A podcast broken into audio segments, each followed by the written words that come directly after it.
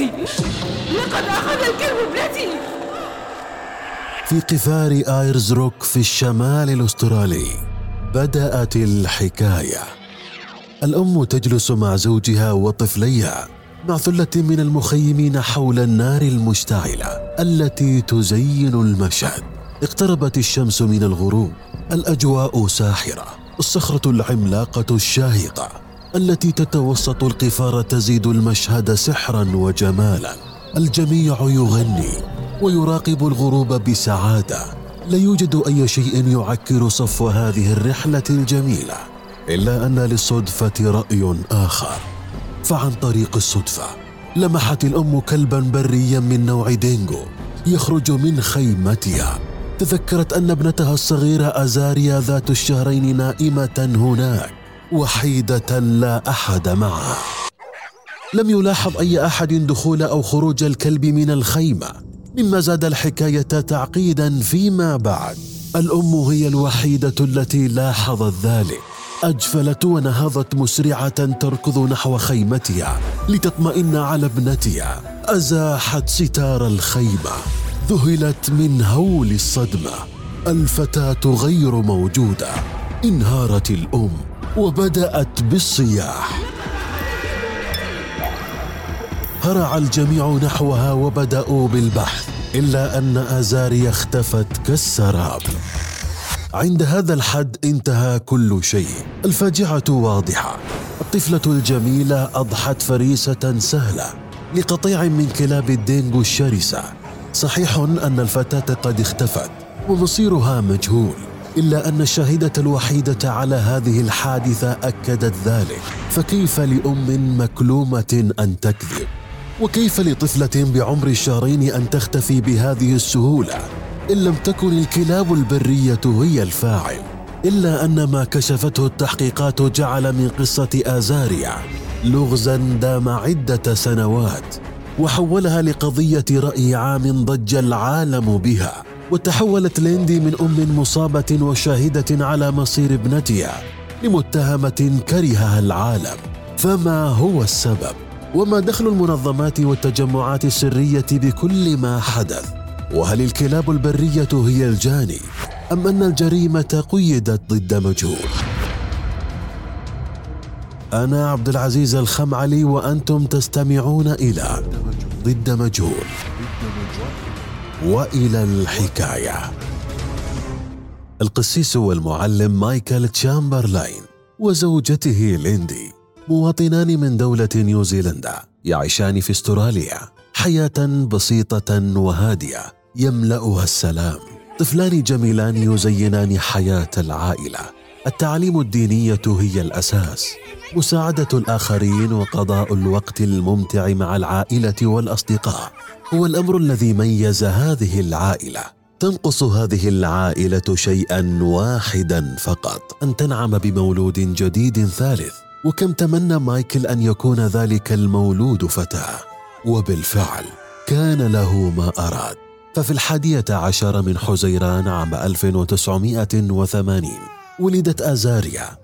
طفلة شقراء جميلة تشبه والدها كثيرا على العائلة الاحتفال بهذه المناسبة الجميلة ولعل التخييم هو الحل الأفضل. لذلك قررت العائلة الذهاب مع الأصدقاء إلى منطقة آيرز روك الواقعة في الشمال الأسترالي التي تتميز ببيئتها الصخرية واعتدال مناخها وذلك في العشرين من آب من نفس العام. يحب الإنسان العودة للطبيعة وللأصل الذي خرج منه مهما غزت التكنولوجيا حياته إلا أن للطبيعة وجه آخر قد يكون مؤذيا في بعض الأحيان. حطت العائلة رحالها بالقرب من الصخرة العملاقة التي اشتهرت بها تلك المنطقة. الأجواء مثالية ولا يوجد أي دليل أو شبهة تثير الريبة. بالتأكيد ستكون هذه الرحلة ذكرى خالدة في تاريخ هذه العائلة. في اليوم التالي وعند مغيب الشمس أوقد الأصدقاء نار التخييم. وضعوا الأخشاب وكراسي السفر بالقرب من النار. تحلقوا حول النار. يراقبون مشهد الغروب المهيب. مايكل وليندي وابنيهما يجلسان أيضا. أما ابنتهما أزاريا فقد تركها في خيمتهما نائمة بسلام. فهي أصغر من أن تعي معنى الغروب ومتعة الجلوس حول نار التخييم. إلا أن الحقيقة أن أزاريا كانت على موعد مع شيء آخر مختلفا تماما عن هذه الأجواء. فبينما كانت ليندي تنظر باتجاه خيمتها لاحظت خروج كلب متوسط الحجم رشيق البدن لونه كلون الأسد يخرج من خيمتها هبت مسرعة باتجاه الخيمة ركضت دون وعي وتعثرت في طريقها عدة مرات. لم يفهم أي أحد سبب هلعها بهذا الشكل. دخلت خيمتها ولم تجد ازاريا وبدأت تصرخ دون وعي. لقد أخذ الكلب ابنتي! لقد أخذ الكلب ابنتي! انتهت رحلة التخييم عند هذا الحد. الأجواء الساحرة تحولت لمشهد حزين. اختفت أزاريا مع اختفاء آخر شعاع من أشعة الشمس. والمجرم قد عرفه الجميع دون وجود أي دليل ضده يثبت ذلك. ولكن كيف للطفلة أن تختفي من خيمتها إن لم يكن الكلب هو الفاعل؟ وصلت السلطات لمكان الحادث وبدأت التحقيقات. البحث ما زال مستمرا بهدف إيجاد أزاريا أو أي أثر يدل على مكان وجودها. ولكن دون أي فائدة. ليصدر تقرير التحقيق الأولي الذي أجرته السلطات الأسترالية أن قطيعا من كلاب الدينغو البرية قد سحبت الفتاة من خيمتها وأكلتها في مكان بعيد عن المعسكر. وبناء على هذه النتيجة تم تبرئة مايكل وزوجته وتم استبعاد أن تكون أزاريا ضحية لجريمة قتل أو اختطاف إلا أن الدليل الذي تم الحصول عليه بعد أسبوعين فقط ضرب هذه النتيجة بعرض الحائط. على بعد أربع كيلومترات من مكان المخيم عثر أحدهم على الرداء الذي كانت ترتديه آزاريا وذلك عند وقوع الحادث. والصادم بالأمر أن الرداء لم يكن ممزقا بالشكل الذي يدل على أن الكلاب هي من مزقته بل والأغرب من هذا أنه كان ملطخا بالدماء بشكل كبير في منطقة الرقبة وكأن الطفله قد تعرضت للذبح. ومع هذا الدليل الصادم تم إعادة فتح التحقيق والاستعانة بالطبيب جيمس كاميرون الذي كان يعمل كمحاضر في كلية الطب. وبعدما تم فحص الرداء بالأشعة فوق البنفسجية صرح جيمس أن الفحوصات قد أظهرت وجود جرح محفور في رقبة آزاريا مما يدل أنها قد قتلت بقطع رأسها وذبحها بشكل واضح ومفتعل ولا يوجد أي آثار لعضه كلب في رقبتها. ومما زاد الوضع تعقيدا وجود بصمات على لباسها لوالديها إلا أن دليلا كهذا غير كاف. فمن البديهي والمنطقي وجود بصمات لوالديها على لباسها إلا أن الكارثة الحقيقية حدثت عندما عثر على آثار دماء وذلك في المقعد الأمامي للسيارة. كانت نتيجة الفحص الطبي كزلزال مدون في استراليا وعلى إثره تم إعادة فتح التحقيق. وأحيل كل من مايكل وزوجته للتحقيق. وتم اتهامهما أنهما من قام بقتل ابنتهما دون وجود أسباب واضحة لذلك إلا أن الاتهامات قد وجهت بشكل أساسي لليندي. وكأول مرة في تاريخ أستراليا تم بث التحقيقات معها على التلفاز. أنت متهمة يا ليندي بقتل طفلتك الصغيرة. أعرف ذلك لكنني بريئة. بحسب ادعائك فقد رأيت كلبا واحدا فقط يخرج من خيمتك. وهل رأيته يحمل الطفلة؟ لم أستطع معرفة ذلك. فقد كان مسرعا ورأيته من الخلف. لذلك لم أتمكن من معرفة إن كان يحمل ابنتي أم لا. هي صغيرة لهذه الدرجة حتى لم تتمكني من رؤيتها؟ صدقني لم أتمكن من معرفة إن كان هذا الكلب يحمل طفلتي. كل ما رأيته كلب يخرج من خيمتي ومن بعدها لم أجدها وما سبب وجود آثار دماء على الكرسي الأمامي في سيارتكم؟ ليس لدي أي فكرة عما تتحدث به ولم ألاحظ وجود ذلك إطلاقا هل لاحظت أي شيء غريب على مايكل؟ لا يا سيدي هل أنت بريئة من التهم الموجهة لك سيدة تشامبرلاين؟ بالتأكيد أنا بريئة استمر التحقيق مع ليندي فترة طويلة.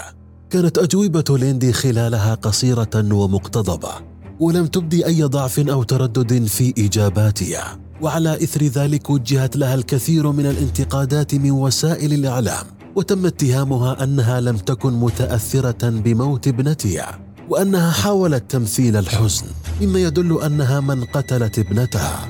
لتنتهي التحقيقات أخيراً. وذلك باتهام ليندي على أنها من قتل ابنتها وفق السيناريو التالي. قبل غروب الشمس وبينما كان الجميع منشغلا بإعداد نار المخيم وضعت ليندي ابنتها في السيارة وانتقلت لمكان بعيد.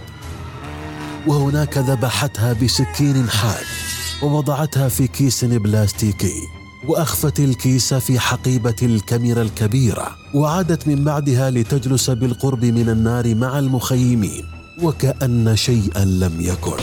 وبعد عدة دقائق صرخت وركضت بذعر مدعية أن كلبا خرج من خيمتها وخطف ابنتها.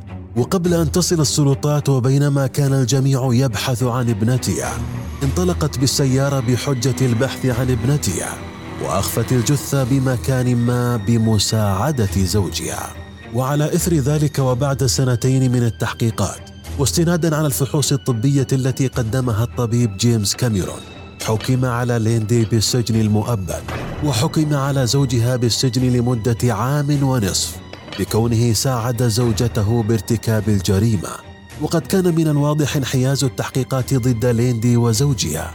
إضافة للدور السلبي الذي لعبه الإعلام ضد الزوجين والترويج بأن ليندي قد قامت بذبح ابنتها بناء على طلب زوجها كقربان لطقس ديني غربي متطرف. فأصابع الاتهام قد وجهت لمايكل الذي أشيع بأنه ينتمي لطائفة دينية سرية أمرته بذبح ابنته كقربان. لم تتوقف القضية عند هذا الحد. وقامت ليندي وزوجها بتقديم الكثير من الأدلة وطالبت استئناف المحاكمة عدة مرات إلا أن جميع الطعون التي قدمت تم رفضها. إلا أن ما حدث عام 1986 أعاد الجميع لنقطة البداية.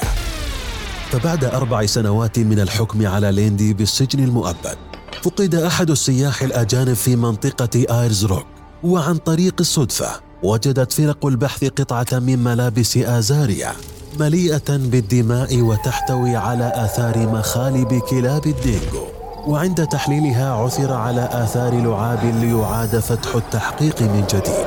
وتم تقديم الكثير من الأدلة التي حاولت إثبات براءة ليندي. كان أهم هذه الدلائل أنه وقبل الحادث بسنتين وجه كبير حراس منطقة آيرز روك تقريرا لإدارة المنطقة. يفيد بأن عدد كلاب الدينغو قد ازداد بشكل ملحوظ وقد أصبحت أكثر شراسة وعدائية من السابق. وأصبحت تشكل خطرا كبيرا على السائحين والمخيمين في المنطقة. وقد سجلت العديد من الحوادث التي هاجمت فيها الكلاب زوار المكان وعلى إثرها تم تقديم وثائق تفيد بوجود آثار أقدام لكلاب الدينغو حول خيمة آزاريا وأدلى أحد المخيمين إفادته أيضا أنه قد رأى بقعة دماء بالقرب من الخيمة مما ينفي أن تكون الفتاة قد قتلت في مكان آخر. لتخلص التحقيقات بنفي جميع التهم التي وجهت لليندي وزوجها وتم إطلاق سراحهما في الخامس عشر من أيلول. عام 1988 وتعويضهما بمبلغ قدره مليون وثلاثمائة ألف دولار أمريكي بسبب السجن الخاطئ.